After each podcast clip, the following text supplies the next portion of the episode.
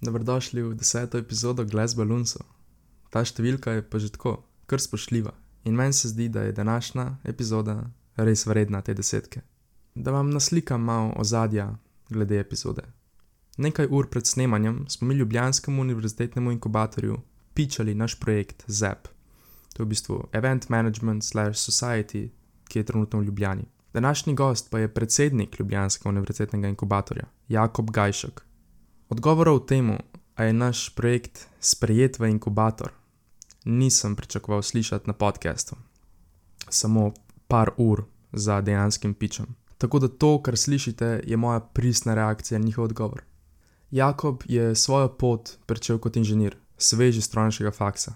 V epizodi smo se dotaknili tega, kako se primerja inženirsko in ekonomsko ozadje, kar se tiče vstopa v poslovni svet po študijskih letih. Po magisteriju iz energetike je Jakob vstopil v svet start-up inkubatorjev oziroma pospeševalnikov. Trenutno je predsednik Ljubljanskega univerzitetnega inkubatorja. Pogovor se nadaljuje v dejstvih tega, da podjetje pričneš v Sloveniji in kakšne so slabosti in tudi prednosti tega. Dan danes med mladimi marsikdo razmišlja o tem, da bi obral neko poslovno pot, ampak večina nas preveč časa posveti iskanju neke kvazi mega ideje. Omenimo načine, kako se tekom študijskih let pravilno pozicionirati, da si kot posameznik obkrožen s projekti oziroma idejami že med samim faksom. Izraziva pomembnost dogodkov, kot so Dragon Hack in podjetniška tekmovanja na ekonomski fakulteti. Epizodo pa zaključiva s pogovorom o krojaštvu in oblekah. No, zdaj pa uživajte v epizodi. Naj bo tak nice groove.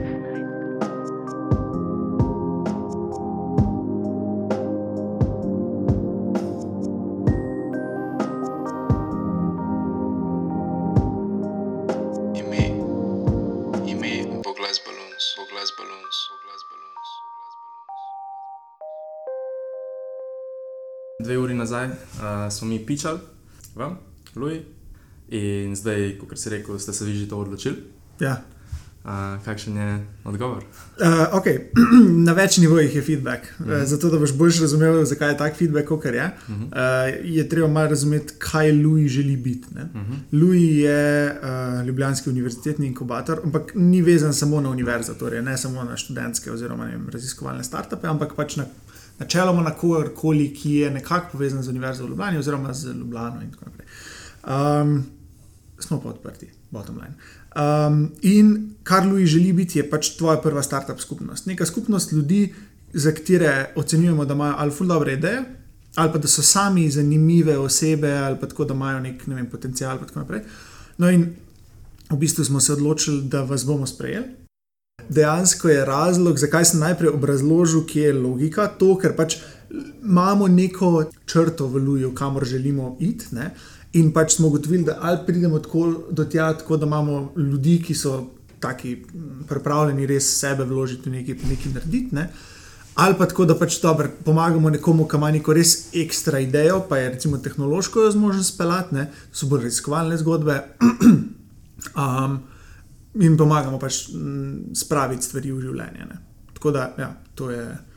Zato sem obra- obrazložil dodatno, kaj je logika Luja, pa tudi konec koncev, zato da znotraj konteksta samega podcasta pač malo povem, kaj sploh Luj Mhm. je, oziroma da ljudje razumejo, kaj iščemo. no. Ja. No, to je tak bil zelo unikaten začetek podcasta. Ja, Flying start. hudo. Flying start. Tako da zdaj it's all downhill from here. Bomo videli. Um, se pravi, ti si začel, v, mi da smo se pač že pogovarjali pred Mhm. podcastom, kdaj dva tedna nazaj. Uh, in si, ti si v bistvu začel na strojniški ne? Ja. uh, fakulteti. In, in to mi je fully zanimivo. Kakšne principe se ti zdi, da si odnesel iz tega, da si se izobrazil kot inženir, kot Mhm. isto kot jaz, ampak si potem nekako začutil, da mogoče to ni zate, oziroma da lahko to nekako skombiniraš s tem, kar zdaj počneš. Ja, lej, jaz sem vedno vedel, da me ta inženirski, tehnični del zanima, pa pač privlači.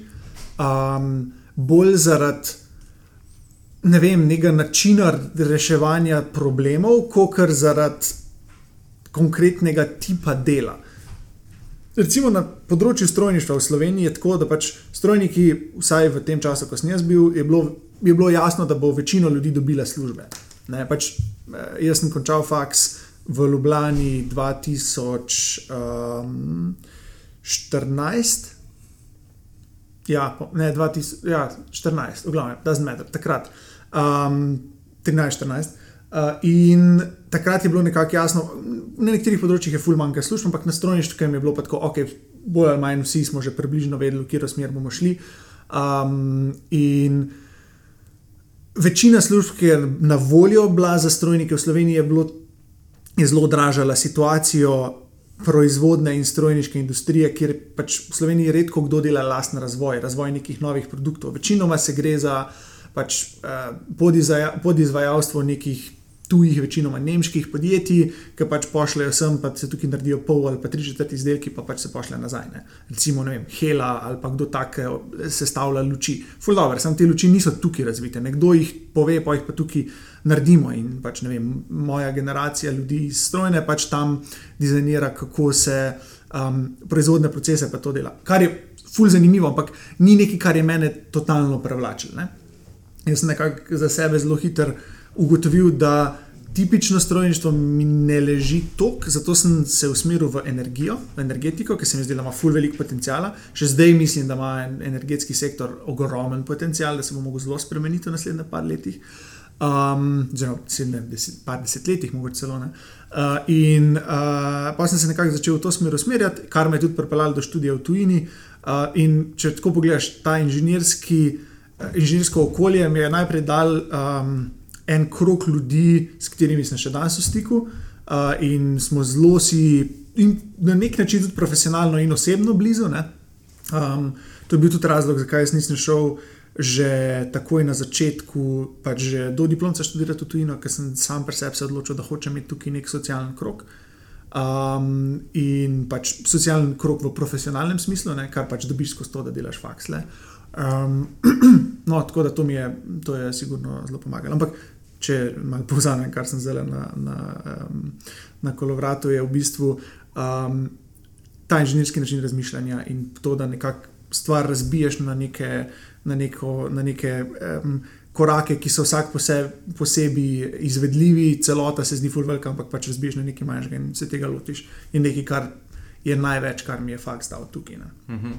Zdaj, zadeva, ki mi pade na pamet, ki se mi zanimiva, je to, da si rekel, da si si želel nekako prek faksa ustvariti nek profesionalni socialni krog mm. -hmm. tukaj v Sloveniji oziroma Ljubljani. Ne? Ja. In kaj te je nekako, kaj ti je ustvarilo to idejo, da, da si čist pripravljen ostati v Sloveniji? Fuh. Ja, no, mogoče en korak nazaj. Razlog, zakaj sem hotel imeti socialen krog tukaj, je zaradi tega, ker sem vedel, da hočem tukaj živeti. Pač, niti ne nujno v Ljubljani, ampak pač v Sloveniji, ker mislim, da imamo res mega kvaliteto življenja. Um, da se moraš malo znajti, glede tega, kaj delati, če hočeš delati nekaj zanimivega. Ne? Uh, ampak tudi to obstaja, zaradi tega, ker toliko stvari v Sloveniji še ni. Ne? Recimo na vašem primeru, pač vi organizirate uh, tipe dogodkov, ki v dosti mestih po Evropi, pa po svetu, ful obstajajo, pri nas jih pa praktično ni. Ne. Pač so neke niše na trgu, ki so totalno neizpolnjene in pač lahko zelo lepo živiš, tudi čeprav je majhen trg, pa tako naprej, pa zelo visoka kvaliteta življenja, ki danes, ne vem, um, doskrat jo premalo cenimo. Ne. Um, in, in takoj, ko imaš malo več izkušnje s tem, da vem, živiš v tujini en čas, vidiš, da so določene stvari, ki jih jemljemo zelo kot samoumevne, davč od samoumevnih. Ne. Ja, ja. Jaz sem se mi to direkt zdaj videl. Jaz sem se pač pred enim mesecem vrnil iz Berlina, sem bil tam pol leta na svoji um, študijski praksi. In glavna zadeva, ki sem jo odnesel od tega, je, da je Ljubljana full udobna za živeti. In še posebej, kar se tiče varnosti, pa nasploh tako udobja. Ja, ne, to varnost, kar si omenil, je pač neka full um, faktor, ki nimaš občutka, dokler ga ne doživiš. Ne? Pa recimo, jaz sem študiral v Edinburgu, ki je tudi ful, precej varno mesto, no? tako skoraj primerljivo s Ljubljano. Ni čisto isto. No? So določeni deli mesta, ki se jih v petek zvečer izogibaš. Pa ne zato, da bi bile neke pač, mafije ali karkoli, ampak zaradi tega, ker je pač folk agresivno pijan. Ne? Uh, Česar tudi pri nas ne dobiš nujno. Um, ampak ja, jaz se spomnim kot študent ob vseh možnih urah noči sem se vračal iz pač, mesta v Štepanca, kjer sem živel, ne, in pač nikoli mi ni bilo niti mal strah, nikoli se mi ni nič zgodil, nobene slabe izkušnje, sploh niti približno slabe izkušnje nisem imel. Ne. Tako da, ja, to je res, recimo, varnost je nekaj, kar um, zelo radi pozabimo. No. Ja, ker sem jaz res, kot se reče, če nisi izkusil živeti nekje drugje v tujini, potem se sploh ne zavedaš tega dejstva, da je še posebej Ljubljana res taka meka varnosti. Uh -huh. Sigurno. Um, zdaj, omenil si tudi, da so ti te nekakšni inženirski mindset, da si bolj odnesel od tega, kot pa dejansko, kaj inženirji ponovadi delajo. Uh Mhm. -huh. ne, se pravi, od svojega študija. Kaj se ti zdi, da je točno ta mindset? Uh, po mojem je glih to, s čimer sem malo že prej začel. Da pač najprej vidiš stvar kot neko celoto, jo razbiješ na neke manageable eh, koščke in se jih pol lotiš v nekem smiselnem vrstnem redu, pač ena stvar vodi k naslednji v tem smislu. Ne. Torej, da neko, ne vem. Recimo, če ne druga iz, iz neke eh, resne matematike, ko smo jo delali na faksu, pač vidiš, ok, imaš nek tak kilometrski eh, račun pred sabo, pa ga razbiješ, pa rešuješ po koščkih, in pa vsak košček te pripelje do tega, da lahko dva druga rešiš, in v tem smislu. Ne. Pač to je nekaj, kjer um, s, s takim načinom razmišljanja se ful lažje loči, lotiš velikih kompleksnih stvari ne, in veliko stvari naenkrat držiš v glavi, ker pač upoštevaš te faktorje pri, pri vse sorte različnih stvareh. Tako To je nekaj, kar jaz vidim, da mi, da mi zelo pomaga. In se ti zdi mogoče, da se pravi ljudje, ko se prav izrazito izobrazijo za to, da bojo lahko prevzeli neke vodilne pozicije ali pa neke menedžer pozicije, ne se pravi ljudje, ki grejo ali v podjetniško ali pa na ekonomsko mogoče. Um, Katere pluse pa vidiš oni, da imajo pred nami inženirji? Ker se zdi, da je nek trend, da, da grejo veliko ljudi, ki so inženirji, pa so uh -huh. uspešni inženirji, da grejo potem v vodilne pozicije. Tako je. Ne? Jaz sem tukaj čist priznam, mal pristranski do inženirjev. Um, ampak iz enega preprostega razloga, pa ne da, da se mi zdi, da te, ki delajo ne vem, podjetništvo ali pa ekonomsko ali pa karkoli, da je karkoli slabšega, davč od tega. Pač tukaj dobiš, pač, sem za moje pojme idealno, če grejo ljudje, ki pač vejo, da hočejo delati biznis, ne vejo pa še nujno v katerem področju ali pa kakšne detajle ali pa kakorkoli. Moj mlajši brat se glika opisuje, zelo oktober začne prvi letnik na, na ekonomski. Ne. Tako da on je rekel, lepa, če hočem iti v te bolj poslovne vode, ampak ne vem pa točno detajlov, kaj bi um, hotel delati, ne, ampak pač to je, mi da neko splošno osnovo. Ful super. Ne. Hkrati pa, če priješ pa iz inženirskih vod, imaš pa za moje pojme en velik plus, ker veliko lažje si je, ne vem, po končanem faksu, pa z malimi izkušnjami, priučiti, pridobiti neka soft skills, neka menedžerska znanja, še posebej, če imaš vsaj malo občutka za to, kot da bi se nekdo, ki je iz poslovnega sveta, priučil inženiringa. Pač pa sej od nobenega, ne vem, direktorja uh, ali, pa, ali pa founderja startupa se ne pričakuje, da pozna v res detajle uh, vse tehnološke stvari znotraj firme ali pa tudi kjerkoli drugje. Ampak veliko lažje je, če si, če si tehnološki founder ali pa menedžer ali pa kakorkoli. Razumeti svoje inženirje in tako naprej. Ne. Ni da bi da ti samo znanje tako prav pride, ampak spet bolj ta mindset, bolj ne vem, lažje spostaviš bližino z nekom, ki dela v tehnološkem delu, če si sam imaš tehnološki background. Ja. Ja. Um, in tukaj mi je tudi zanimivo to dejstvo, da si rekel, da recimo tvoj mlajši brat, zdaj če ga vzamemo za primer, da želi nekako te poslovne vode ali pa mogoče celo start-up vode, ampak nima čist neke um, oblikovane ideje. Uh -huh. In potem to dejstvo, da je šel naprej na ekonomsko, meni je zelo zanimivo, ker sem bil v čiste enaki poziciji, sam da sem bil prej na ekonomski gimnaziji in sem vedel, da želim iti v neke poslovne vode, ampak nisem pa imel čist blage veze kako se želim tega lotiti. In sem jaz to dejstvo, da sem prestal te 3-4 leta uh, inženirskega faksa, računalniškega faksa, sem bil obkrožen z ljudmi, ko pa nimajo te poslovne žilce, ampak kar tako delajo na projektih, sam tako, da delajo nekaj, ker jim je to dejansko zanimivo delati. In to so ponovadi tehnološki uh -huh. uh, projekti in sploh ne vidijo neke poslovne ideje o tem, ampak samo neka zadeva, ko njih zabava. Ja, zabavno reševati pač nek zagonet problem, ki pač, ja, točno to. je. In tukaj se mi zdi, da sta nekako dva spektra, kako se ti lotiš tega, ko, ko odraščaš, se pravi iskanje neke poslovne ideje. Ali jo tako izrazito aktivno iščeš, ali pa si samo krog ljudi, ko jim je zabavno delati projekte, in potem nekako sem jaz tako pasivno posrkaš neke ideje, in mogoče boš štiri leta kasneje se spomnil neko idejo, in imaš potem neko zalogo idej, um, pa zalogo tudi tvoj ta profesionalni socialni krog, ki ga dobiš na faksu, je zgrajen iz ljudi, ko dejansko delajo na projekte, Ja. ne pa ko razmišljajo o tem, da bi šli v poslovne vode. Tukaj sem jaz. Ja, ja, ja, absolutno. In pač tudi, recimo, če pogledaš, praktično, če bi jaz danes se odločil, ne vem, če bi bil pred, uh, recimo, v srednji šoli. Ne? Uh, In da bi vedel, da me zanimajo podjetniške start-up vode, bi po moje šel na free, na, na računalništvo, pa hkrati delu čim več takih mikropodjetniških projektov, ker pol slejko prej dan danes rabiš nek tehnološki aspekt v svoji firmi, ne glede na to, kaj delaš, ne, in pol imaš v svojem socialnem krogu ljudi, ki jih je drugače ful težko najti. In to je zelo, zelo, zelo velik plus, uh, če hočeš danes nekaj začeti. Ne. Torej, če pač kdorkoli posluša, ki se zdaj odloča, pa hoče iti v neke start-upe, da ja, pejte na tehnološke, verjetno najbolj računalniške, ampak tudi druge tehnološke smeri so super, mm -hmm. ne, vedoč, da v bistvu si gradite socialni krog eh, ljudi, na katere se boste lahko oprli za lastne projekte. Oziroma, pač, če hočete res iti v pure business, hkrati ja, pač določene stvari, ne vem, neka finančna znanja, pa to. Um, Težko, mislim, se jih pa res moš aktivno priučiti kot inženir, ker jih ne dobiš, ne, nekih finančnih modeliranj, in tako naprej. Ajde, malo je lažje, zaradi tega, ker imaš mat- v, matematiki, ampak vseeno je pač druga logika. Ne. Tako da, če pa te to, ta stran bolj vleče, te finančne plati, je pa spet ekonomska oziroma neka taka poslovna smer, uh, ful dobra. S tem pa, da je treba povdariti, da nobena, nobena smer te zares ne definira. Ne. Pač tudi ustanovitelji najbolj uspešnih slovenskih startupov, določeni so prišli iz uh, danes zelo, zelo zapostavljenih družbenih ved, recimo. In ker se pač ljudem zdi, da pač je edina opcija, da si pač ali brezposlen ali pa delaš nekaj NGO ali pa na faksu ali kakorkoli, to sploh ni res. Pač praktično tako v življenju je najbolj pomembno to, da se znaš obrniti, da se znaš potruditi, da znaš nekaj narediti tam, kjer mogoče prej le ni bilo še nič. ne.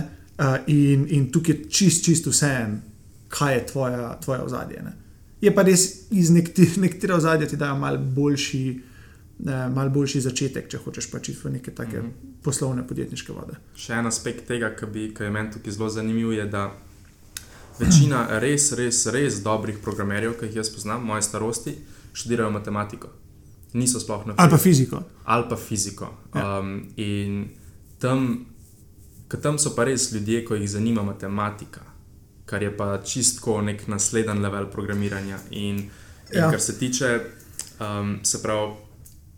Mogoče tam je manj tega, da je folk, ki se zanima za neke podjetniške ideje, da se bojo lotili nekih projektov. Ampak, če pa ti izključno si želiš nekako tako, da se zelo sistematsko lotiš svojih študentskih let, se pravi, da si želiš nabrati nek socialni, profesionalni socialni krog, res, res, res top noč programerjev, matematika, se mi zdi, FMF. Ja, FMF, se strinjam. Pač tako je.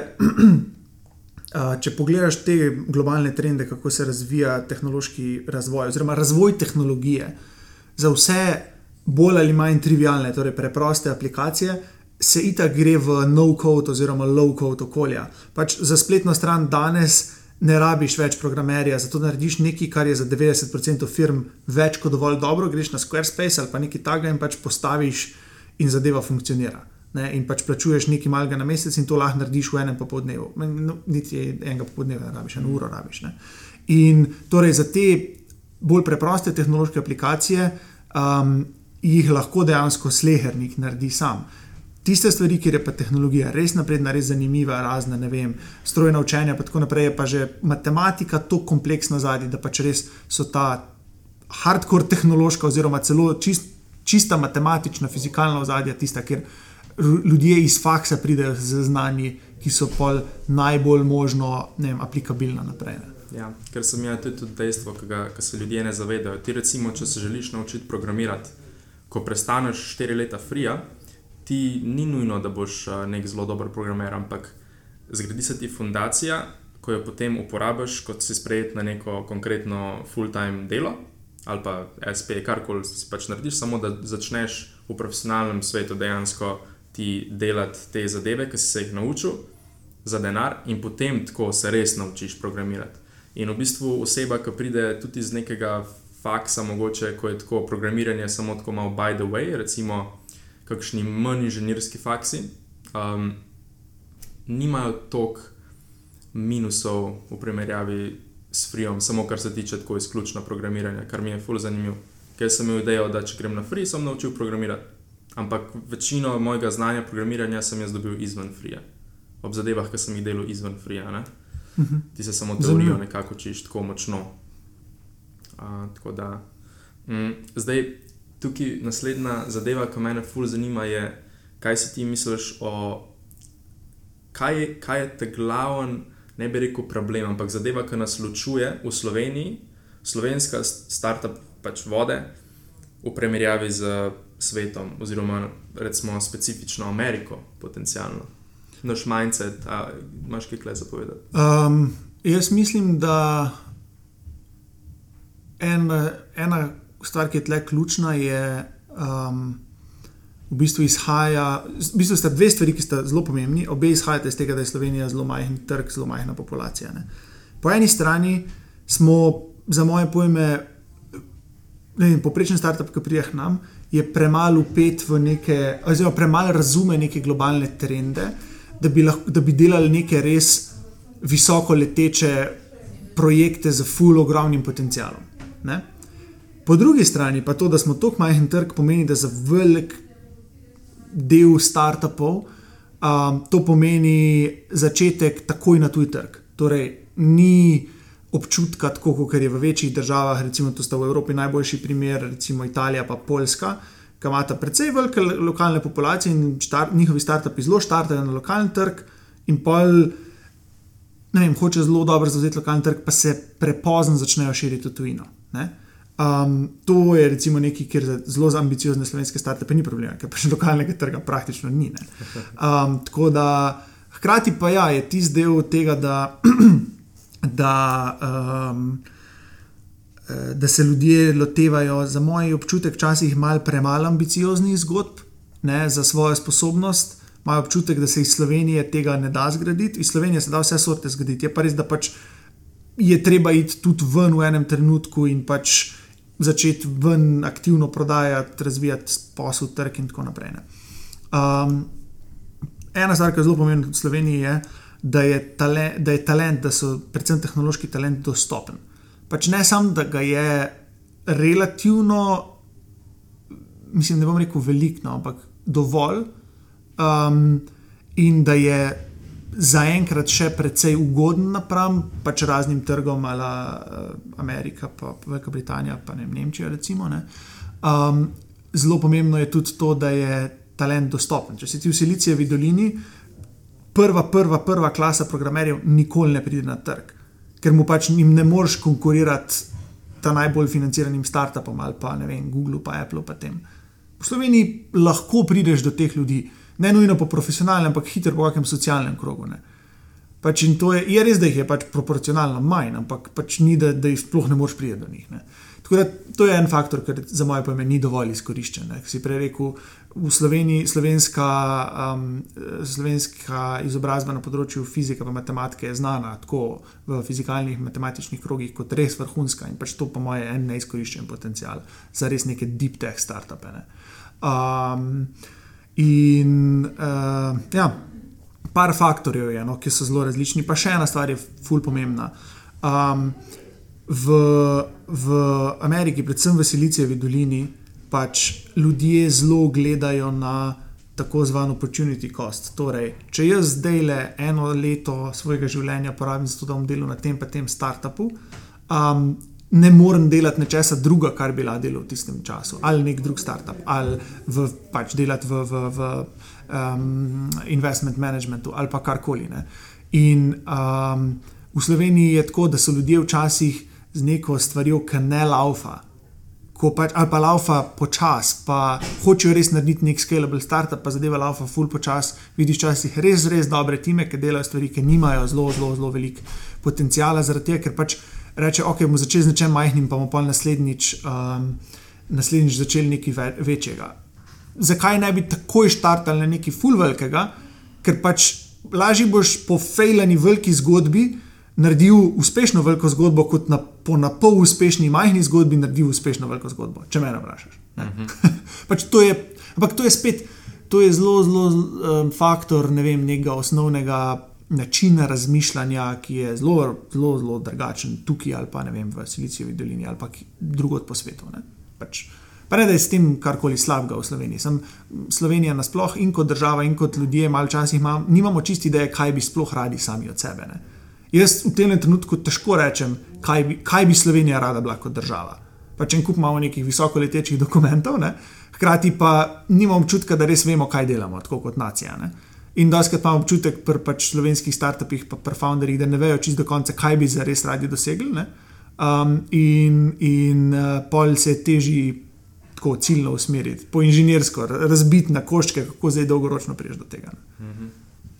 To mi je sem jaz zelo dobro povedal, ker sem jaz ponovadi ljudje, ki dobijo to vprašanje, um, oziroma kar sem ga do zdaj postavil, je bilo vedno odgovor, da nam slovencem recimo manjka samozavest ali pa da nam manjka ta hustle mentality, ki imajo američani.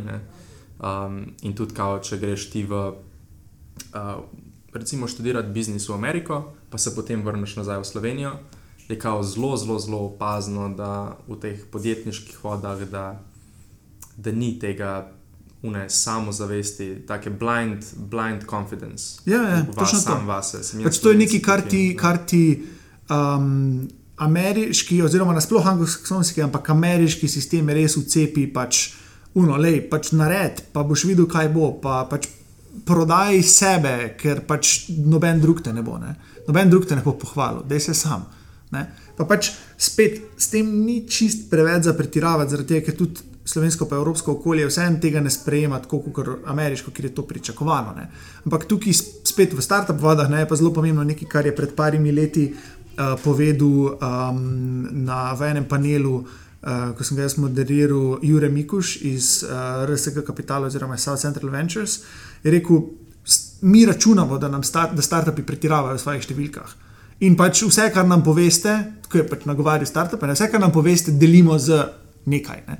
Torej, če ne pretiravate, ste takoj malo na slabšem, zaradi tega, ker računamo, da vsi pretiravajo. Ne? In pač to je ameriški mindset. Ne? In, in tudi v startup svetu je ta, po mojem, od, od celega, vem, ne, cele slovenske družbe, ta mindset tukaj še najbolj prisoten. Nekak, ne? hm.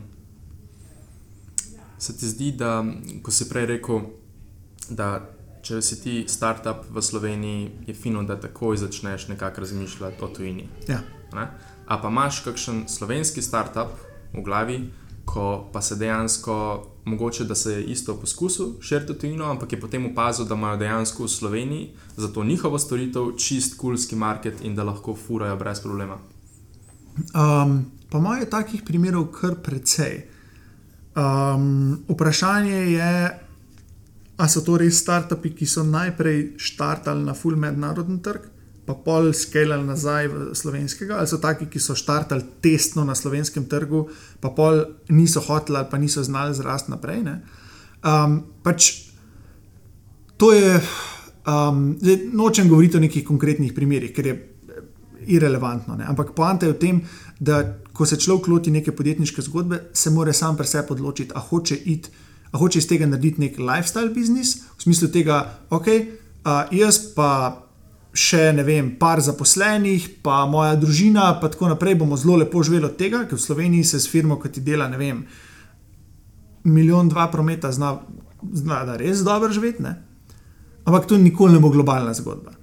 Ne? Po drugi strani pa. Če se na začetku odločiš, ok, res hočeš narediti nekaj globalnega, nekaj masivnega, pa, pa če rečeš, če, se, če začnejo biti znaki, da bomo samo v Sloveniji uspešni, lej, pa mogoče to ni to, kar jaz hočem. Stvar je tega, da, da tisto, kar sem prej rekel, ne, da se vnaprej odločiš, kaj hočeš.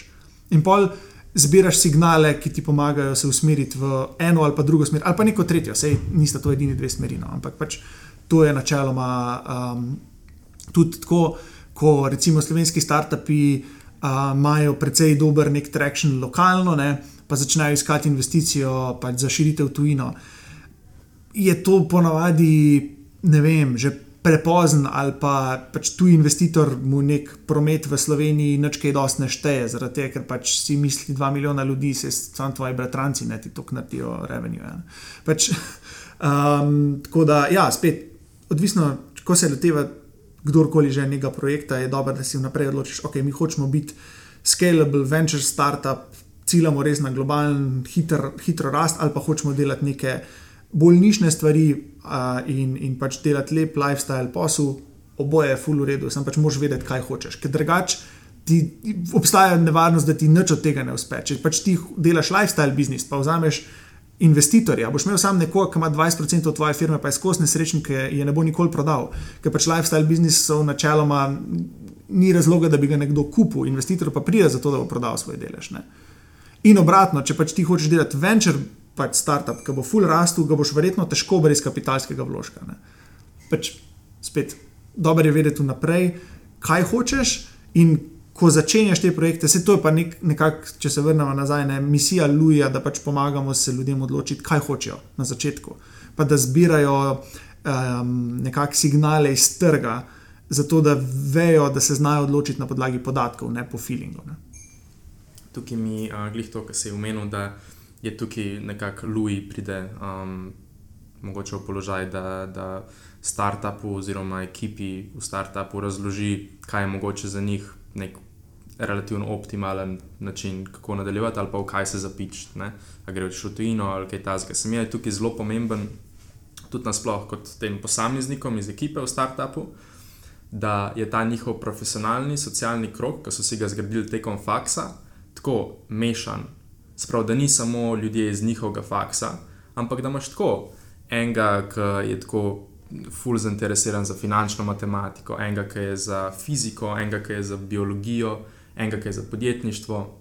Ker se mi zdi, da potem si na točki, če so to res tako tvoji bližnji pač kontakti oziroma kolegi, lahko kadarkoli na mestu, da greš ti googlat, pa nekaj research narediš, lahko njih vprašaš in bojo uh mhm. -huh. oni veliko bolj vedeli, kaj točno pogooglati, kot pa ti, ki mogoče nimaš pojma o tem. Ja. In se mi je to zelo dober način, kako. To, to je ena izmed glavnih zadev, ki bi jaz jim izpostavil tako, sam kako je lažje se spraviti na neko tako pot. Ja, definitivno. Pač tako je. To, je. to je za moje pomen od stvari, ki pa um, recimo naša univerza ne, je zelo dobra v podajanju znanja. Za moje pojme, morda, mislim, če bi celo rekel vrhunska. Pač jaz, ko sem prišel v Edinburgh, sem imel um, v moji generaciji nas je bilo 44, od tega so bili trije Britanci, ostali so bili pa vsi iz res celega sveta. In sem imel um, sošolce iz Amerike, iz nekih hudih faksov, pa iz Oxforda je bila ena punca, pa od ne vem, ki je vse. In pač moje znanje je bilo kvečjem na višjem nivoju od ostalih. Ne. Ampak hkrati, česar pa še ne znamo, če do konca narediti, pa to povezovanje različnih področji. Se vse ful govori o interdisciplinarnosti, pa ne vem kaj. Sam redko še nisem videl nečesa, kar bi za res laufal. Pač pomembno je, da se tukaj dogaja, ampak smo še kak korak dva od tega, da bi te stvari res tekle, ne? da bi res pač stvari živele, ne? ali pač da so to neke interesne zadeve, nekaj takega, kar vi delate, recimo s svojimi eventi ali kar koli. Um, to je nekaj, kar se mi zdi, da, da precej manjka. Ne? Tukaj tudi je nekaj, kar bi na Luju bolj želeli podpreti, samo v trenutnem času je to malo težko. Ampak um, yeah. Ja. iščemo način, kako bi to bolj. Uh, zaaktivirali. Se mi zdi, da bi bila tako zelo zanimiva zadeva za Ljubljano, da bi bili neki kampusi. Ne? Ja, recimo, mislim, se je, je bila ideja narediti kampus, da bi bila cela univerza na enem kupu, ampak pač pa na koncu ni bilo dovolj interesa na nivoju cele univerze oziroma fakultete, da bi se to zgodilo. Pa se ni to, to niti ni nujno slabo. Um, bolje pač pol naloga ostalih akterjev v, v celotni Ljubljani, da pač to nekako povežejo. Ne. Je pa pač plus tega, da celo mesto veliko bolj diha z, z študenti, kot pač recimo ne vem, nekje. Ja, ja. Ali pa Rožna dolina, ja. recimo, ki sta ne dva. Ja. Hm. Ker se mi zdi, da kar kampusi naredijo, je, da ti postaviš ljudi iz različnih faks, pravi ljudi iz ekonomske in ljudi iz računalniške fakultete, ki so načeloma niso ljudje, ki se v povprečju nekako fulštekajo med sabo. Uh -huh. In tudi, če bi, recimo, se mi zdi, da če bi univerza oziroma nek zunanji akter, da bi probo narediti neke prostore, kjer bi bilo uh, neko do, neki udobni prostore, kjer bi se lahko tak folk konektil med sabo. Ne vem, če bi se, zato ker glavna zadeva, kar je pri kampusih, se mi zdi plus, je, da je ta folk na kupu in imaš ti tam en lokal ali pa neke klube, in bo avtomatsko ta folk samo zaradi ja, vicinitija. Točno to. Hodil tja. Absolutno se strinjam. Pač to je, um, o tem sem mal bral uh, takrat, ko smo pač. Mislim, ker me, ker me zanima. No, um, in recimo je Apple delal celo raziskavo o tem, kako narediti kampus, kjer še vedno lahko, kjer pač je, so, ki je um, prostorsko učinkovit, ne, torej ne preveč širok. Um, hkrati pa še vedno omogoča to, da se ljudje na ključno srečajo. Ta naključnost je en faktor, ki manjka, če nimaš kampusa. Zato je, ker recimo ne, mi uh, od nas do recimo računalništva, ne, do, do Frija je krdavč. Pač rabiš en čas z avtobusom, s kolesom, s čemkoli tako, ti vzame, moš želeti priti sem. Pač, ampak hkrati ne vidimo, da bi jih nam prihajali full mind frijevcev, ko so zainteresirani, kot recimo, vem, uh, strojnikov ali pa, ali pa tudi konec koncev um, ekonomistov. Pač nekdo, ki je zainteresiran, bo prišel sem. Ne? Torej, pri razpršeni postavitvi nimaš. Tisti, ki so zainteresirani, še vedno se pojavljajo. Poanta je bolj v tem, da, um, da um, tiste naključnosti ni. Tistega, da se ljudje srečajo na hodniku, srečajo v kavarni, da se vidiš tok pa tokrat. Uh, in pa ta četrtič že nekoga pozdraviš, ker si ga videl petkrat na ulici. Mhm. Zdaj, uh, tukaj glaven nekak način, kako sem jaz spoznal folk iz um, ekonomske fakultete oziroma tukaj v Bežigradu, je s tem, da sem prvo imel izbirni predmet. Um, na Friju sem si ga vzel tukaj na ekonomski fakulteti, ki ga je Anja Svetina učila, noro, dobro izveden predmet. In tam sem bil v bistvu jaz, pa še en uh, iz Frija, vsi ostali so bili pa iz ekonomske fakultete. In tako med odmori se pogovarjaš. Uh, ekonomska fakulteta ima samija nasplošno svoje predmete, malo bolj tako skupinsko orientirano, medtem ko na Friju je ponovadi tako, dosta solo, ker pač ti programiraš. Uh, Um, mm -hmm. In tam sem spoznal tako randomni ljudi, ki sem še zdaj pač v stikih z njimi, tudi uh, eno sponzorstvo smo dobili prek tega. Um, in potem druga zadeva so pa različni tečaji, se mi zdi, da se jih lotiš izven faksa. Ali so to jezikovni tečaji ali pa karkoli. To so v bistvu zadeve, ki, ki privabijo folk iz vseh fakultet in ti greš potem z njimi skupaj na ta tečaj. Ja, Recimo ja, ja. Zavod Šold, fulkulsko izvedeni jezikovni tečaj. In tam sem tudi spoznal partnerje. No, to je ena stvar, um, v bistvu, kjer se meni zdi, da je, da je imel Edinburgh full več za ponuditi. Glih te prostočasne aktivnosti. Pač mislim, da Univerza v Edinburghu ima nekih 200 societyjev. In pač imaš society za ama čisto vse ne vem, jaz sem hodil na pub kvize od International Relations Society, kjer bili, je bil pač tam en američan, fulno navdušen nad mano, ker je pač srečal nekoga, ki je bil rojen za železno zaveso in pač pol, ki je bil full fan, ne vem, uh, Vaclava Havla, pa pač ne vem, je, je bil tako, ja, Tito je imel pa tako, pa tako vlogo, ker si ni imel z nikomer tega za pogovarjati. Ampak tako pač tam so bili ljudje, ki jih je pač neka mednarodna politika zanimala. Pač takih faktorjev full ni. No. In pač, uh, pa je bil recimo vem, Sailing Society, pa so ljudje hodili jadrati skupaj, pa to, pa uno, pa tretje. Pa če je glih temu namenjeno, da, ti, da ti končaš faks ne samo z znanjem, ampak z močnim socialnim kapitalom. Ta socialni kapital je nekaj, česar nam danes manjka, no, v resnici, ali pa poprečnemu študentu danes ful manjka. Um, tako da, ja, to je, to je uh, nekaj, kar bi bilo dobro ali uradno ali pa neuradno podpreti, dodatno razviti. Tako da, ja, mi grede, če kdo posluša, pa ima idejo, da bi naredil kak society, pridite nam na Louis, vam bomo pomagali. En kup društev se srečuje pri nas, tleči za ston, zaradi tega, ker želimo, da se te stvari dogajajo. Tako da, mm. shameless self-plug. um, ne, ampak recimo ta, ta prva stvar, ki se je pomenila, je pa fulj zanimiva. In sicer izbirni predmeti, ki je za moje pojme to, kar univer eh, to, česar univerza sama po sebi ne da tok, zaradi tega, ker ljudje ne izkoristijo te možnosti. Recimo, jaz, ko sem na faks hodil, sem, sem v tretjem letniku, po moje, um, dva izbirna predmeta, pa bil sem na strojni, opravljal na antropologiji. Ne? Pa jaz sem bil edini, prvi iz strojništva, ki je šel na antropologijo, pač zanima me, zdaj se mi je ful zabavno. Um, in je bilo tako, res je bila dobra izkušnja, čist drug folk, čist drug način razmišljanja. In ja, še zdaj se mi zdi, določene stvari, ki sem se jih tam naučil, so bile tako zelo drugačne, zelo zanimive. Ne. Uh, in to je nekaj, kar pač ljudje kar malo tako ja, vzamejo. Izbirni predmeti so tako nujno zelo, ne vidijo je kot priložnost. Ne. Mogoče je to malo žalost tega, zadnjič smo se zafrkavali, kaj so pač slovenske sanje. Um, ko, ko imaš ameriške sanje, so pač, da hočeš biti uspešen, pa sam poskrbeti za sebe, pa za družino. Pa ne kaj, ne? Slovenske sanje so pa pač, da pač delaš nekaj, kar neko službo od 8 do 4, kjer ne rabiš preveč delati, pa popoldne malo fušaš. Pač, in, in pri izbirnih predmetih je ful podobno. Pač tako, ja, vzamem nekaj, zaradi tam, ko je najmanj dela. Ja, ne, škoda, da je pač. Ulož v sebe skozi to, kar ti faks daje za ston. Mislim, tujini se masno plačuje za take priložnosti. Ne? Točno to in to dejstvo, da imamo v Sloveniji vse za ston, oziroma koliko stane 24 evrov na letnik, se mi zdi, da je ta. Ja, pač administrativne stroške, mislim. Stroški, še bone imamo. Je... Slovenija je za, študent, za biti študent, za kar sem jaz videl, najboljša država, največ ti da. Tako iz vidika enostavnosti in lepote življenja in tega, kakšne vse možnosti imaš. Mislim, imaš štipendije za, za vse možne opcije, bone imaš, česar nima, mislim, da čisto nobena druga država. Um, tako, ko, ko mislim, enem američanom razložiti, kaj so to boni, je ne mogoč koncept. Ne. Se verjetno ste srečali furi razmocov, ja. ki so bili šokirani, kaj je zdaj to. Ja. Skoro na pol za ston, da bi jim hrano. Ja. Seriously, Tega pač, to je res nekaj, kar.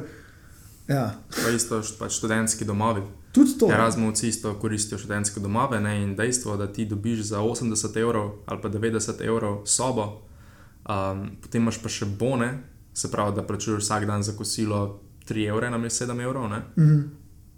To je neverjetno, Erasmusom verjetno. Ja, ja, ja, definitivno. Uh, in, in ja, kot si rekel, v Sloveniji sem jaz res tok se ne zavedamo, kako je ta študentski life dober. Ne? In tudi edina zadeva, ko mogoče mi pade na pamet, ko manjka, oziroma ko bi folk mislil, da manjka, je ta, da ne moreš recimo toliko tujcev spoznati. Ne? Če greš ti recimo na univerzo v London ali pa v Berlin, avtomatsko ja. si obkrožen s folkom iz celega sveta in si potem je ta tvoj socialni kapital, ko prideš iz faksa, toliko močnejši. Ja. Ampak se pa ne zavedamo, da je v Sloveniji, recimo trenutno v Ljubljani, 700 Erasmusov. Ja zakaj se ne bi družil s temi razmovci. Ja, ja, točno to. In, točno to ja. In tudi, mim grede, ne, vsem, ki poslušate, pa ste še na faksih, ali pa tudi ne, no, kako koli, dajte izkoristiti priložnosti, da greste za eno daljše obdobje v tujino. To je, po moje, najbolj kvalitetna življenjska izkušnja, kar jo lahko imate. Kamorkoli, sam da je nekje drugje, zato da pač greste v neko, da spremenite okolje, da pač imate neko nek drugačen pogled na svet, ki ga boste tam spoznali, tako, oziroma ne sem spoznal, doživel. Pač to je za moje pojme naj, najboljša izkušnja, kar jo lahko imaš. Ja. Um, isto, cel ta naš um, podcast je nekako se tako po nesreči oblikoval okoli ljudi, ki so nek čas svojih študijskih let preživeli v tujini. Sem jaz za enkrat od vseh desetih gostov, so bili čisto vsi. Mm. In isto jaz in Zala, oba so bila pač na Erasmus izmenjavi. Tako da to mi je zelo zanimivo, da je nek tak faktor v tem, a si gost na našem podkastu ali pa ne. Tako čisto faktor. nesreč. Ja. Ja, um, zdaj, dogodek, uh, ki je tudi meni zelo zanimiv v Sloveniji, oziroma v Ljubljani, je Dragonhack. Uh -huh. uh, in tam je tudi, uh, tam sem v bistvu prvič tebe videl. Uh mhm. -huh. In se spomnim, da je Dragonhack za folk, ki ne ve, to je v bistvu največji programerski um, inženirsko tekmovanje, recimo, oziroma hackathon se temu reče, uh, kjer 200 programerjev iz cele Slovenije tekmuje uh, v ekipah po tri ali pa štiri ljudi za določene nagrade. In res, full, full, full, velik tehnoloških in netehnoloških podjetij iz cele Slovenije sodeluje in sponzorira ta dogodek, in so na samem dogodku in ti jim pičaš te ideje. In noro veliko tudi zaposlovanja se tukaj zgodi, če se ti v redu piču, je podjetje pripravljeno pač zaposliti. In tam si bil tudi ti. In mi je bil full padel um, v oči, ker to je bilo 200 programerjev moje starosti, ne, se pravi med 19 in pa 22 letom, recimo, in vsi tako zelo, zelo, zelo casual oblečeni. Ne. Ti si pa res top obleka. Ne. Um, ful nam ni bilo jasno, kdo si ti. Zanimivo, da si se to spomnil. Ja, Ja, ne, okay. Najprej začnem z, z Dragon Hackom. To je mi grede ena stvar, ki se ful splača. Če ste tehnološki, če znate vsaj malo programirati, ker vse je programerski hackathon, da se udeležite, ker je res tako, um, res ful dober dogodek, vrhunsko speljan. Um, Mi tudi kot Louis ga vsako leto sponzoriramo, glej zaradi tega, da pač pokažemo, ker Dragon Hack večinoma firme sponzorirajo zaradi tega, ker pač hočejo tam kadrovsko iskati ljudi. ne. Uh, in, in, um, in mi pa glih želimo postaviti ta kontrast, da pač ok, pridemo tja, pa rečemo, le, pač, če, pa, če vas pa kaj zanima, pa pač, da hočete nekaj svojega narediti, pa pridite k nam. Mi, mi pa obstajamo zaradi tega, da vam pomagamo vaše stvari speljati. Ne da boste delali v neki firmi, pa pač delali za nekoga drugega ali pa za neke, neke druge ideje. Pa ne da je to karkoli slabega, davč od tega. Sem pač več možnosti je pomembno, da obstajajo v življenju. Ne? Zato, da se pač pa lahko odločiš, da je pač neka konkurenca. Ne? Ker če bi vsi sam službe iskali, ne bi bilo zanimivo. ne. Uh, niti če bi bili vsi podjetniki. ja. Um, tako da, uh, ja, to je razlog, zakaj mi, mi podpiramo Dragon Hack in je pač res vrhunski dogodek, ekipa je odlična, tudi izven tega sodelujemo z njimi. Um, tako da, ja, to je nekaj, kar uh, zelo, zelo radi sodelujemo s tem, kar si pa prej omenil. Pa pač to je, pa ne vem. Um, jaz od nekdaj mi je bilo to dokaj blizu. Uh, pač v srednji šoli so mi pa kasneje povedali, da sem bil vem, znan po tem, da sem bil edini, ko je tako ne vem, konsistentno nosil srajce, pa ne, ne sem pač t-shirt. pa to je nekaj, kar, kar je meni pač zabavno, pa me veseli, pa ni tako zdaj, da hočem s tem karkoli pokazati, ampak mi je pač dejansko tako ne vem, zanimiv neka, neka umetnost eh, znotraj tega, kar je danes eh, splošno, eh, to, da pač je, je to, kaj damo na sebe, vedno bolj casual. Um, Uh, pa ja, je nekaj, kar me veseli. Mogoče sem se tega malo nalezel dodatno, oziroma sigurno sem se tega dodatno nalezel še na škotskem um, in uh, pa malo prinesel to nazaj s sabo in iz vidika dejanske fizične obleke, ki sem njegov ful nabavil. In uh, ja, to je bilo, ful je bil izziv logistično nazaj prideti uh, z štirimi kufri stvari. Mm. Gor sem šel z enim, tako da po enem letu se stvari ti res nabere. Um, Ja, in, in uh, pol, um, z, predvsem pa še zelo veliko več znanja o tem, kaj kaj je, kako se kaj stvari teh dela. Pa sem bil zelo vesel, ker sem v Ljubljani našel uh, tudi vem, enega, enega odličnega krojača, ki pač pol, tako zna te stvari tudi kaj eh, speljati, popraviti, karkoli že. Tako da ja, to je en tak hobi moj v bistvu, Mhm. ko ga laž vim vsak dan, kar je ful zabavno. Ja. Um, mi je ful zanimivo, tako, ker recimo pri ljudeh, ko opaziš, da jim je hobi recimo vino ali pa hobi dobra hrana. Vedno lahko pričakuješ, okay, če ima rad dobro hrano, ponovadi ima tudi rad vino in obratno. Zdaj, zanima me, če je pa pri tem, da so pač obleke, recimo ta tvoj Ja. hobi, a je kaj tazga, ko pride zraven tega. Ne vem, če vlije, gas. Čevlji, okay, to je to, to je to. Zaradi tega, je ista kategorija. E, pa, ne vem, vino, pa hrana, po mojem, tudi. Uh, uh, ampak ne, ne vem, če kaj res pride zraven tega. Težko, težko rečem. Po mojem, vino pa hrana gre ta skupaj, tako da pač ne vem, karkoli že greh uh, obleki, če vlije, verjetno, po mojem, ne vem. Um, pohištvo. Pohištvo? ne, se ne, ne za res. Um, ali vsaj ne še eno. Mm. Uh, um, ja, nekam moraš vse to pa spraviti, se, Ja. če, če ne druga zaradi tega. Um, ja, ne, ne vem, da bi bilo nekaj, pač, da bi res tako pasal zraven. Um, to je bolj uh, nek tako vsakodnevni izziv, um, kaj dati skupaj, kaj, uh, kaj je kul, cool, kaj je v redu kombinacija, kaj pač ne iz tega vidika. Tukaj mi je zelo zanimivo, ker jaz sem, jaz sem pač na ekonomski gimnaziji ne, in uh, ekonomske gimnazije v Ljubljani so nekako, bi rekel, znane po tem, oziroma imajo nek tak bad press, uh -huh. v smislu tega, da niso najbolj kvalitetne šole. Okay. Um, ampak jaz sem šel tja, ker me je res specifično zanimala ekonomija. In sem frudliko povlekel in od podjetništva, in od, od ekonomije.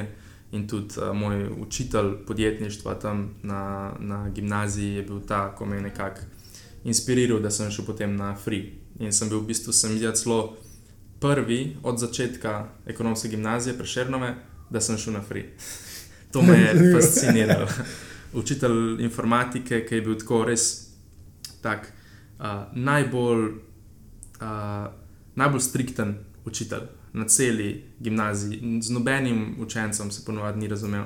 Se je z mano toliko razumel, ko je izvedel, da želim iti na, na Free. Uh, to mi je bilo res fascinantno in sem še zdaj v stiku in z učiteljem podjetništva in z no, super, le, informatiko. In jaz sem v tretjem in četrtem letniku gimnazije začel uh, tako nositi srajce, pa mogoče čez uh, nek uh, pač tak un čist tenak pulaver, ne, da se je pač rokav videl ven in mi je res to full ustrezal. In sem si nekako cel stil tako oblikoval.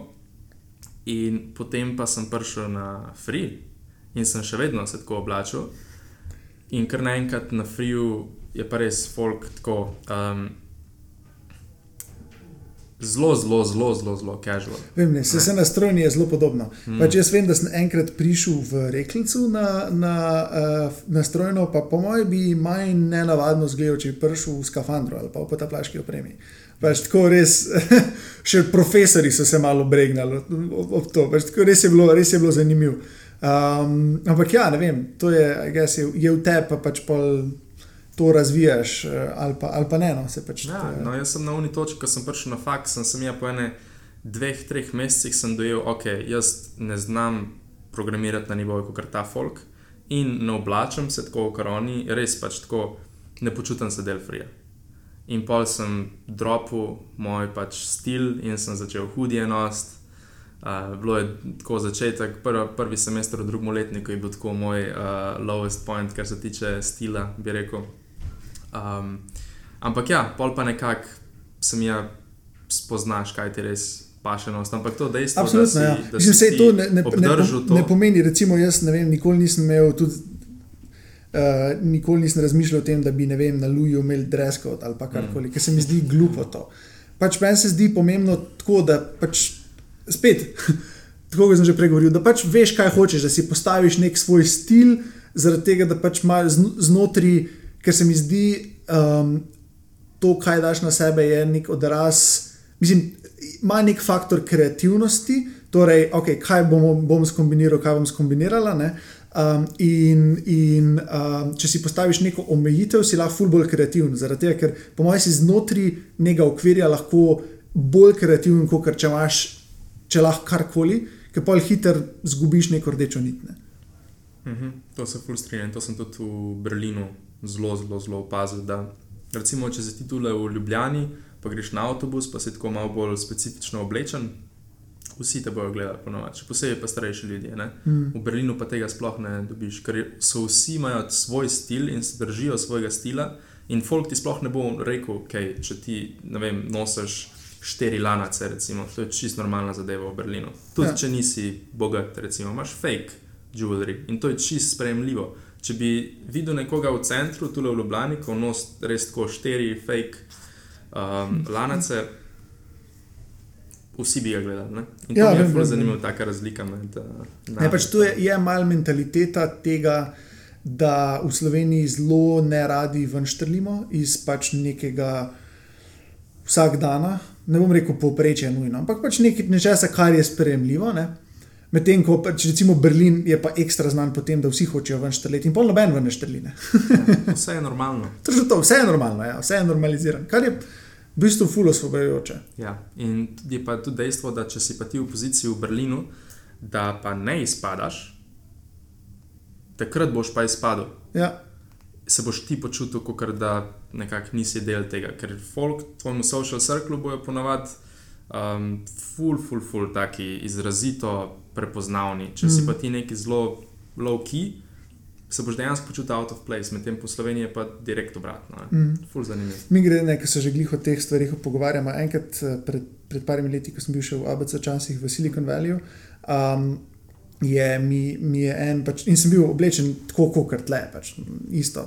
Um, in mi je en tip rekel, uh, kao, uh, kdo sem jaz, da pač nosim tako korporativno uniformo, da pač bi lahko tudi v klonskem kostumu okrog laufu. Pa sem ga pogledal in sem si mislil, model. Oblečen si isto, kot vsi fucking visi v, celem, v celi dolini, pač kakih hlače, oziroma kavbojke, odvisno, pa karirasta srca, pa puffer vest čez. Vsi isto nosijo, prav smešni je in pol meni, da imam jaz korporativno uniformo. Mislim, da je tako, res je. Ljudje včasih malo pozabijo, kaj, eh, kaj govorijo. Mm. V glavnem, zabavna anekdota. Ja, zabavna anekdota. Zdaj, mm, naše ime podcasta uh -huh. je Mhm. pač Glass Balloons, ne, stekleni ja. baloni. Kaj bi rekel, da je tako zadeva, ko ti pade prvo na pamet, ko slišiš to ime? Ej, dejansko, ne vem, zakaj sem včeraj zvečer dobil občutek, da me boš to vprašal in sem razmišljal o tem. Okay. um, zaključil sem nekako v tem, da je pač steklen balon nekaj, kar je na tleh ful krhko, ful lomljivo, medtem ko enkrat začne leteti, je pa boljš od, od navadnega balona. Um, pač zato, da lahko leti, mora biti zelo tanko. Ne? Um, in in samo inženirsko sem se tega lotil.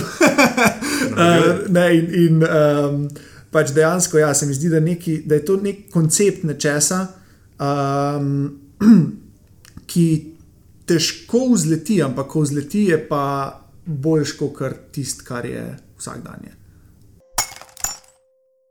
In kat, evo, to je to. Hvala, ker ste poslušali tokratno epizodo. Če poznate koga, ki bi ga podcast zanimal, dajte mu poslati link. Če še niste subskrbeni, se prosim, dajte. Če se vam pa zdi, da je to, kar zalo počneva, resnično kul, cool, pa stisnite rating in review, res pomaga. Stay. Classy.